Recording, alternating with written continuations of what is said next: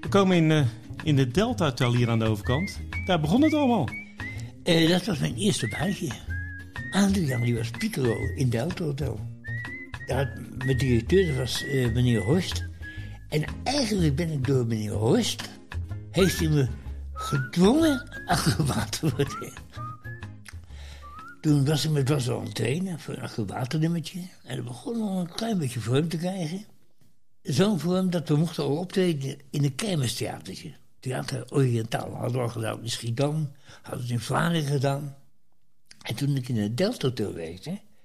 toen kregen we een telefoontje... of we een optreden wilden maken in het kermistheater. Want die stond nu in Roosendaal. Want er was iemand uitgevallen, ziek geworden. En eh, wij er naartoe gereden. Maar de terugweg, we reden in een oud autootje.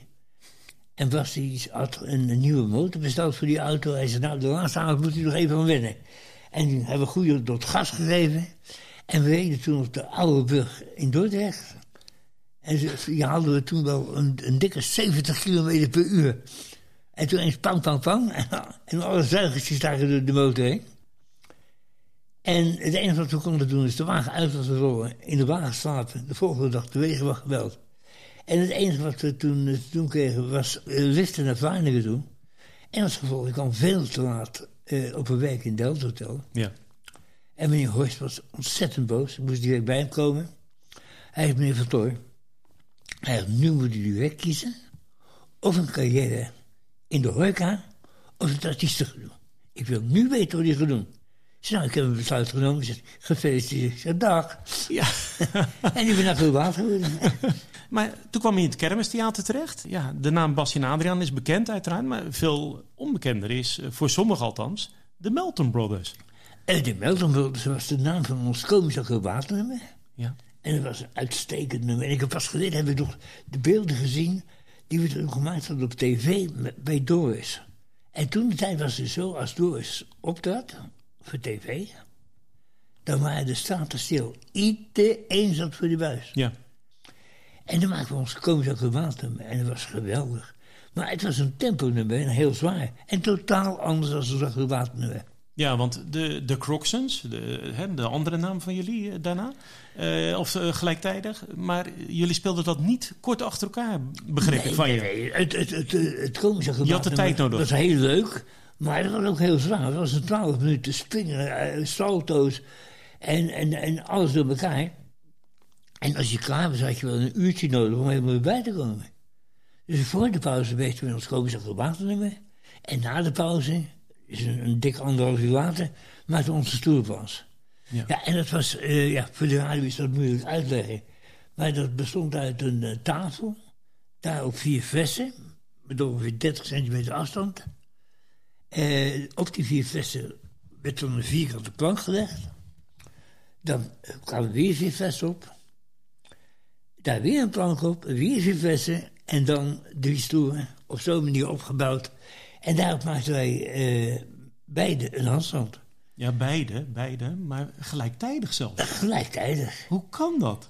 Samen? Het, het was zo dat eigenlijk op de twee linker poten van de stoel... daar was het voorgewicht van Bas... Ja. En op de twee andere poten het voorgewicht van mij. Spure concentratie. Alleen maar concentratie. En het is ons altijd gelukt. Zelfs een keer werkten we in Amsterdam. En er was, en er was net na oud en nieuw. En een van de rolboek, daar had nog een rotje over. En terwijl wij beide in de handstand staan, gooide die een rotje onder de tafel. Oh. En die, dat, die ontplofte met een enorme klap. Ja. Maar niet één kleine schrikbeweging. Want we wisten één kleine schrikbeweging en weg beneden. Ja. Alleen toen ik de kleedkamer inkwam, toen stond te shaken. Ja. Maar ja, goed. Dat hebben we 25 jaar gedaan. En met heel veel plezier. En bijna nooit fout. En we, uh, twee, we zijn in totaal twee keer gevallen. En niet door onze schuld. Ja. Maar we zijn omgewaaid. Ja. En één keer is dat gebeurd in het uh, dak van het Delft Hotel. Dat was helemaal in onze begintijd, toen gingen we foto's maken. En het was zo in de begintijd, we werkten nog maar met vier flessen. En we staan beide in handstand en er komt ineens een windstoot en we waren om. En later is dat nog een keer gebeurd in uh, Delfzijl. Er werd op de Zeedijk en er was een podium gebouwd. En de achterwand was circa vier meter hoog. En toen was werken wij in het begin hadden we geen last ervan. Maar dat stoelnummer had een totaalhoogte van 5,80 meter. En die achterwand was 4 meter. En toen ik mijn handstand uitdrukte, kreeg ik een enorme klap wind.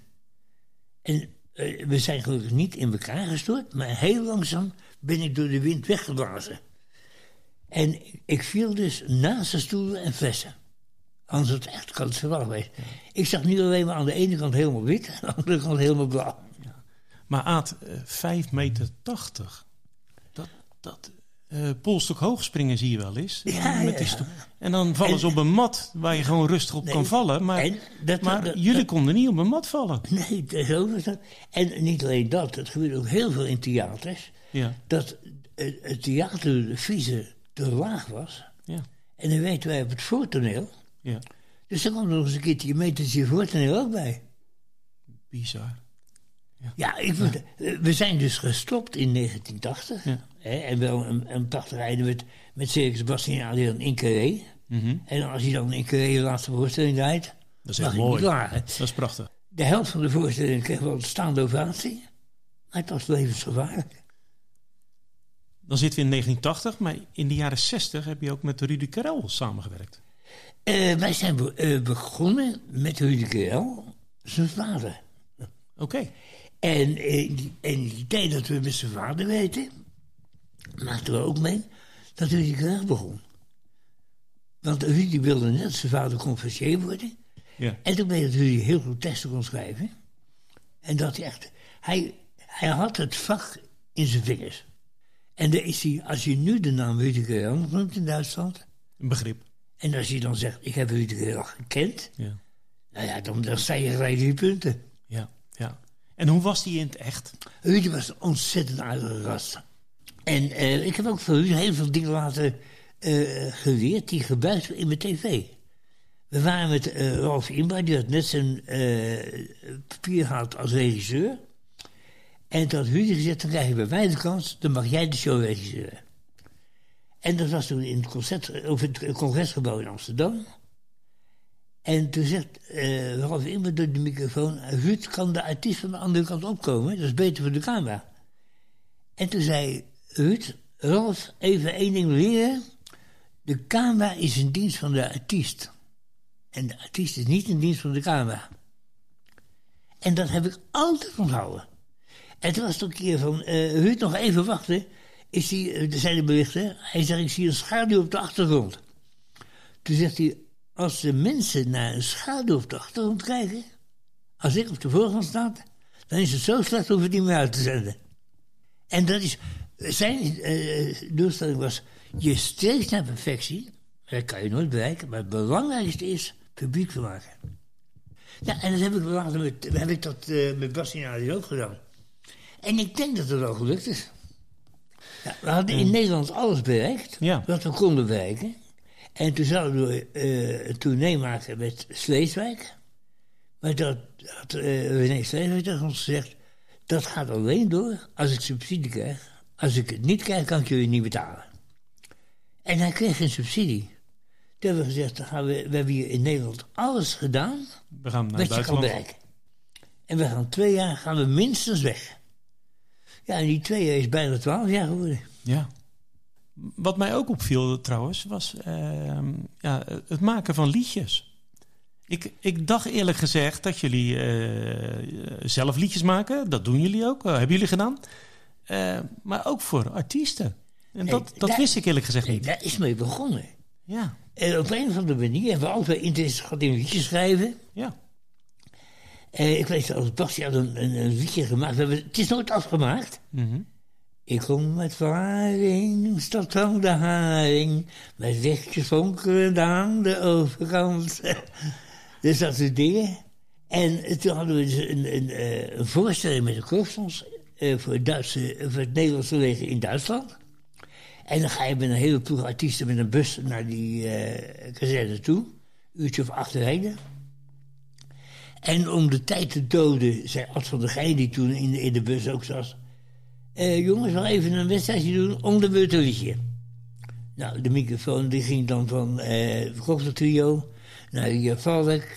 Die, en ja, en nee, de beurt van de Rossels.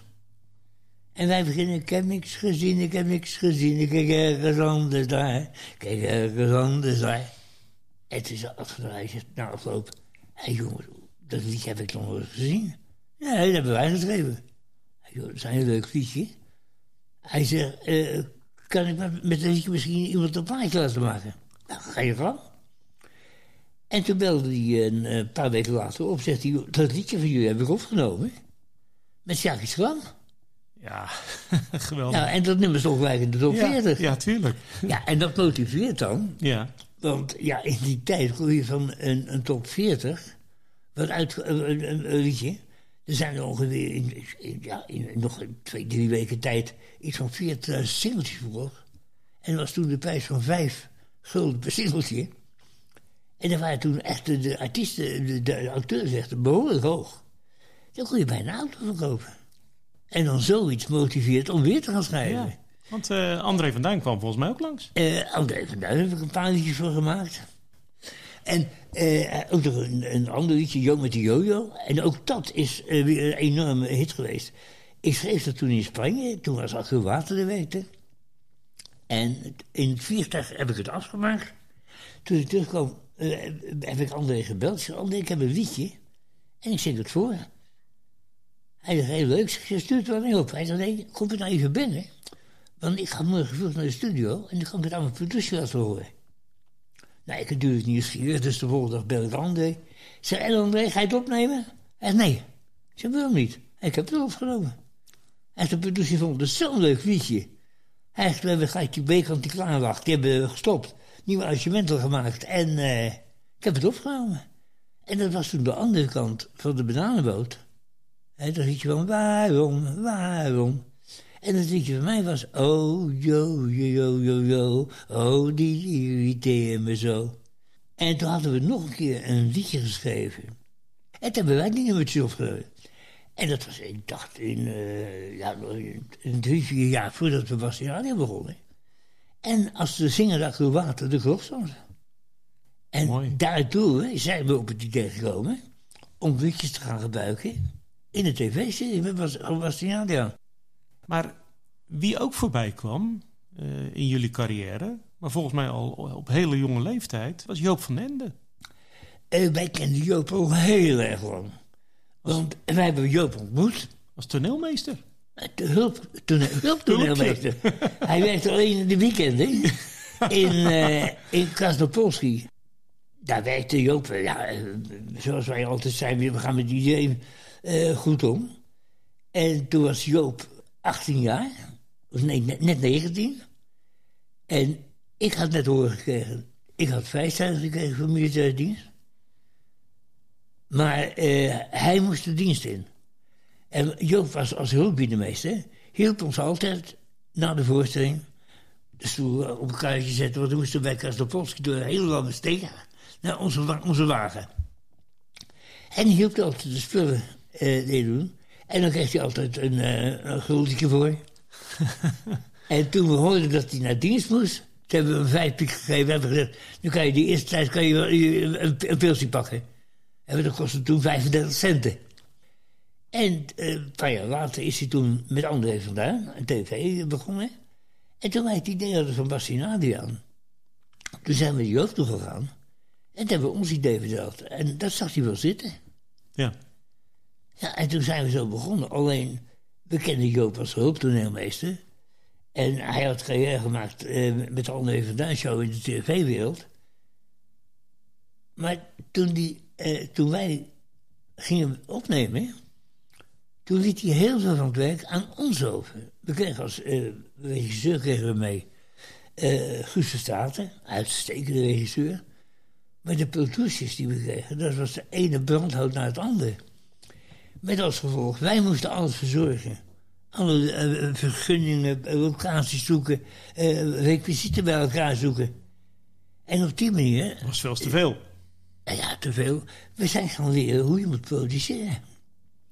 En toen later ontstond er een oneenigheid met Joop van der Ende en Guus Verstraeten. En toen werd Guus werd, van de productie afgehaald. En toen werd er eh, gezegd, ik zei, ja, hoe, gaat het nou met, de- met die, wie gaat die serie monteren? En toen zei Joop van den Ende, hij zegt, ja, je hebt die verhalen geschreven, dan kun je het monteren ook. Ik, zei, ik, zei, dat, ik had nog nooit in de studio geweest. Nou had ik het geluk, ik kwam in de studio en daar was eh, een, een editor, de man die de film monteert, en Rob Klein. En dat was een ontzettend knappe editor, een van de beste die we hadden in Hilversum, maar ook een heel aardige gast. En als ik tegen hem zei, Rob, ik wil hier dat snijden aan dat. Zei hij, "Aad, even een paar beeldjes wachten, want nu gaat de camera, die beweegt nog. En als de camera stilstaat, reken je wel de twaalf beeldjes erbij en dan kan je de snit maken. Anders wordt het veel te onrustig. Nou, en op die manier was ik een hele ijverige leerling. Binnen twee, drie maanden kon ik monteren. En de serie van de sleutel is toen gemonteerd. En de derde serie gaat van start. En er ontstaat oneenigheid tussen de cameraman en de regisseur. En de cameraman werd ontslagen en de regisseur die trekt eigenlijk terug. En we zaten zonder eh, regie. Dus naar de Ros gegaan. Voor een andere regisseur. En Kees de Daas, de directeur, die zegt... Ja, er is geen eh, regisseur meer vrij. Iedereen verzet. Ik zeg, en nu? Hij zegt, nou... Je hebt vorig jaar die serie gemonteerd. En je hebt het geschreven. Nou kan je regisseren ook. Ik zeg, mag ik er even over nadenken? Hij moet op deze tijd moet ik het weten. Dus mijn hele opleiding als regisseur is 24 uur bedenktijd geweest. en toen ben ik het gaan doen. En ja, toen kwamen de kijkcijfers en de waarderingscijfers. En die waren zo ontzettend hoog. Dat ik kwam het Trosgebouw binnen. En direct staan een van de regisseurs op. Hij zegt, Aantal, ga je zitten? Ik zeg, daar. Hij zegt, nee, daar zitten de gewone mensen. Jij hoort aan deze tafel. Alleen voor regisseurs. Waar, waar ik ook nog even op terug wil komen, is het. Op een gegeven moment hadden jullie eh, het circus Bassie en Adriaan. Ja. Maar ook circus Rens komt regelmatig terug in het verhaal. Ja, Ehm, ik, ik, heb, ik heb zelf circus Rens hier nog wel in Vlaardingen zien staan. ja, ja. Dat was echt nog zo'n ouderwets ci- circus. Ja, voor de, de, de, de filmopname Had ik een. eh ik schreef dat Bastiaan in een circus werkte. Wat de Kurksels nooit gedaan hebben. En de reden is. Ik hou niet van circus. en eh, toen kwamen we in contact met de directeur van Circus Rens, Nol Rens. En dat was een fantastisch aardige man.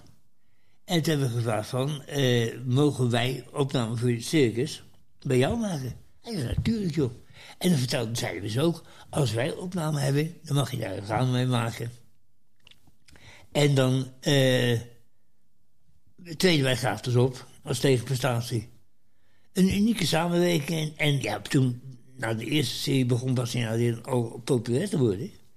En nog had wel in de gaten, als wij een keer opname maakten en we traden op in de circus, was het uitverkocht.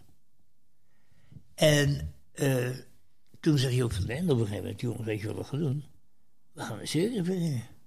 Ik zei, nou, eh, voor mij hoeft dat niet. En daar was ik echt op tegen. Maar goed, het idee is er doorgekomen. En het werd een driemanschap. Ik, Bas en Joop van den Ende hadden kocht een circus. En ik moet zeggen, bij mij is dat onder protest geweest. We begonnen met, om drie uur middags met een vergadering in Batuverdorp. En om s'avonds om elf heb ik gezegd, meer uit moedigheid. Oké, doe het maar.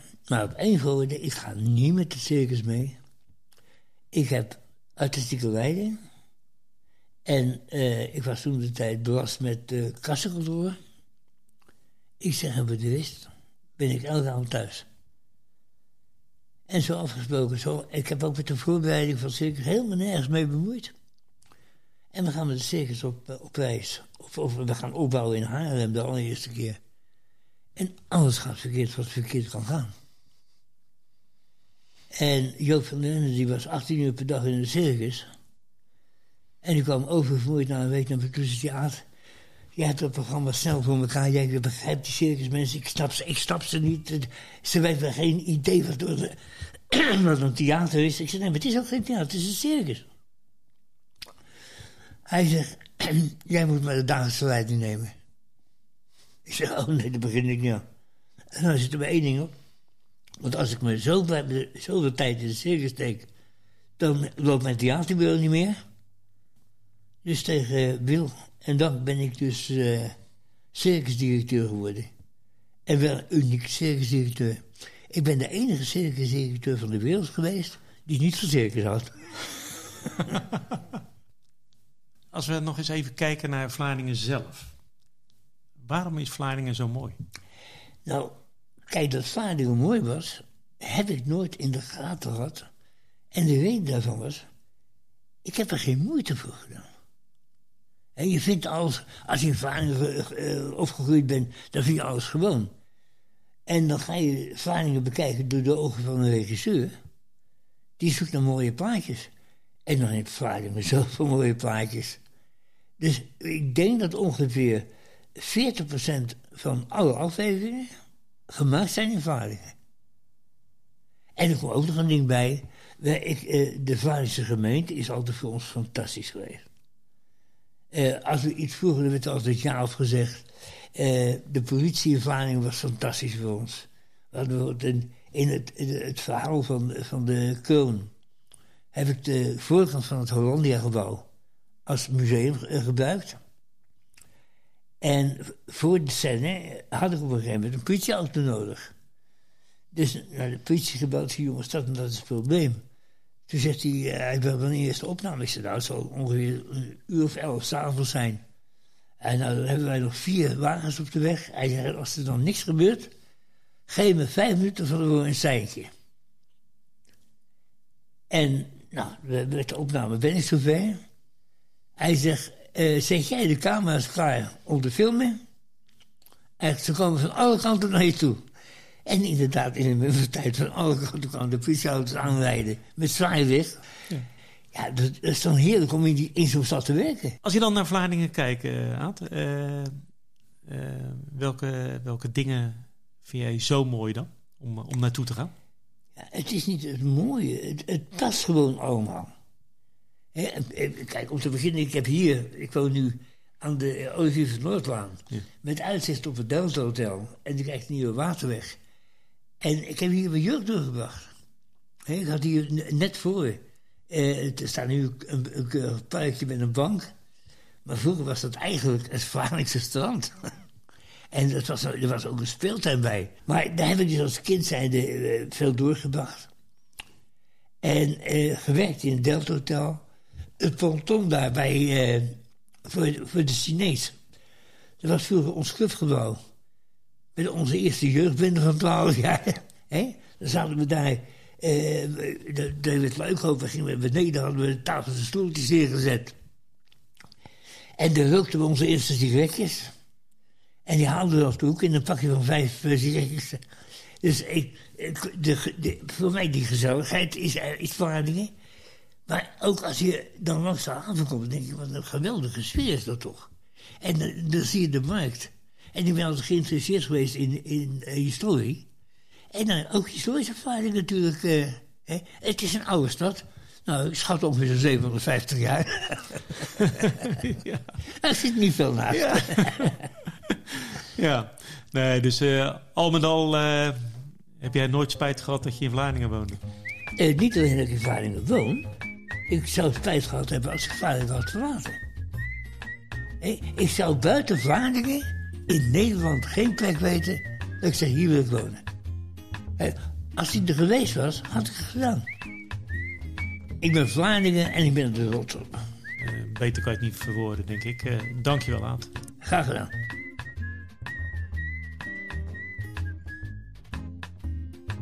Dit was Vlaarse Dingen. Mede mogelijk gemaakt door Delta Hotel.